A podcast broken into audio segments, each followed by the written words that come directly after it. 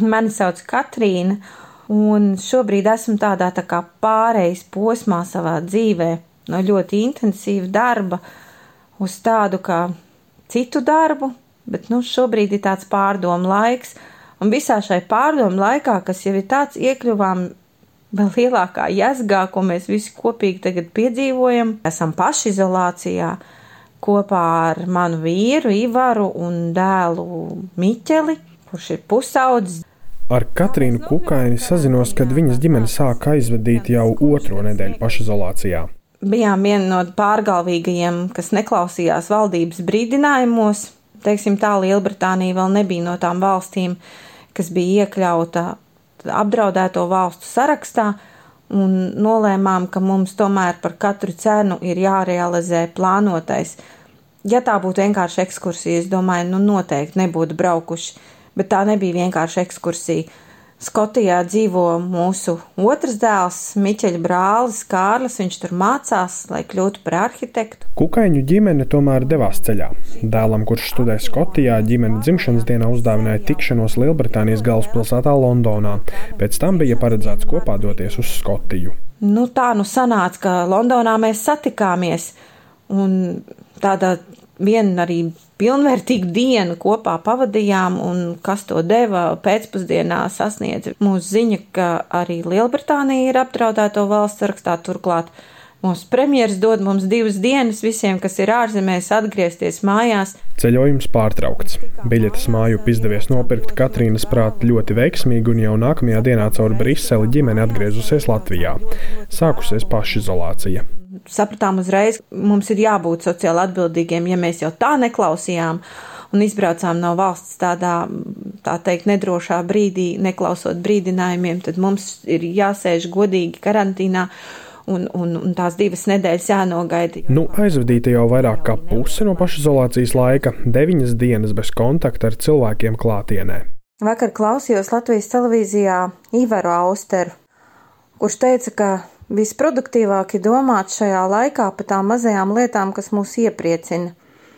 Teikšu tā, ka dažas no tām bija cilvēka atsaucība, jo, kad es ieliku Facebookā informāciju par to, kad esam karantīnā un ieliku kādu bildīti, ko mēs darām, man ziņu atsūtīja tepat izrādās blakus dzīvojoša kursa biedrene, vai nevajag pārtiku atnest, vai nevajag kādu palīdzību.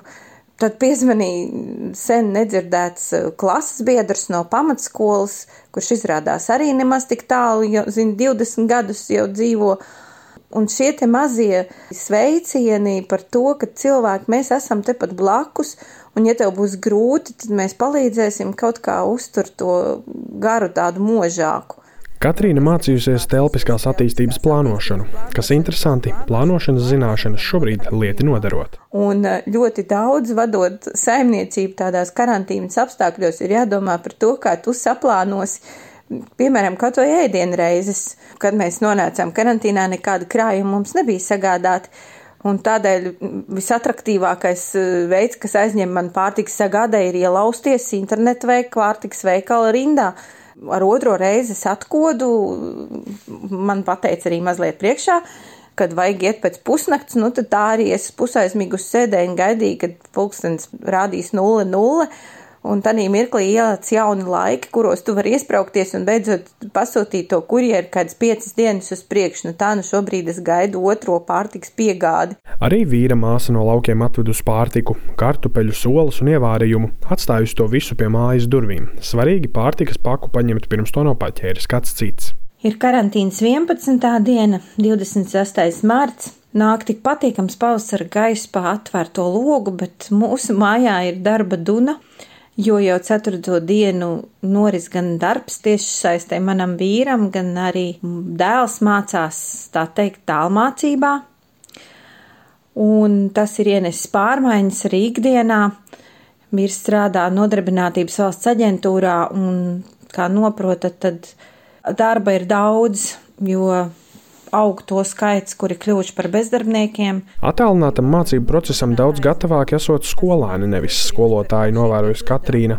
Kamēr vīrs strādā un dēls mācās attālināti, Katrīna pati sev uzlikusi uzdevumu. To raksturo kā aizmugures nodrošināšanu. Tā nu es tupus rāpus pa grīdu piegādāju tēju un, un, un uzkodas saviem strādniekiem, tā lai man nepamanītu kāda video zvana kadrā.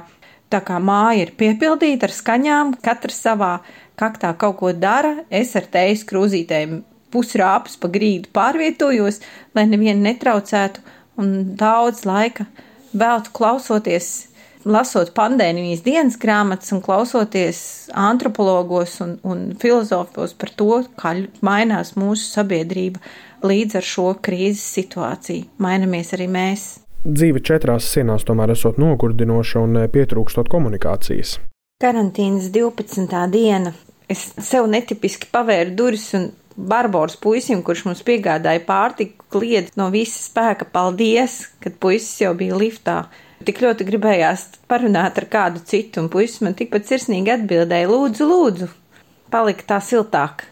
Un vēl man gribās izdarīt kaut ko labu, tāpēc es padzirdēju, ka tepat mums Ziepniekalnā ir burvīgs mazs vietnamiešu restorāniņš, un izlasīju, ka viņi aicina šīs vēl četras dienas noteikti pasūtīt ēdienus uz mājām, jo tā viņi redzēšot, vai viņiem ir vērts vēl pūlēties un vai viņi vispār spēs izdzīvot šajā laikā. Neskatoties to, ka man māja tagad piegāsta no augšas līdz apakšai ar pārtiku, es tomēr ņēmu un pasūtīju arī ēdamo no vietnamiešu restorāna. Vēl man gribējās izdarīt kaut ko labu un pasūtot ēdienu noziedoju sāli un miltus. Kukaiņu ģimene, ievērojot pašizolācijas noteikumus, netiekoties ar nevienu, devušies pastaigās, pret to attiecoties ļoti atbildīgi, un tādēļ nav izpalikuši arī kurjos gadījumi.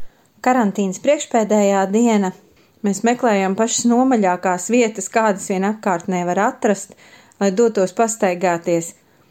Tā nu vienu dienu mēs aizbraucām ar mašīnu un devāmies Ziepniekāna mežā, pastaigāties, bet izrādās tādi svaiga gaisa meklētāji kā mēs bija vesels pūlis, un būdam ļoti apzinīgi un saprotot, ka mēs nedrīkstam ar cilvēkiem tikties, neatlika nekas cits kā lēkt grāvī un, un iet pa grāvi un otru pusi ceļam un iet pastaigāties pa purva malu.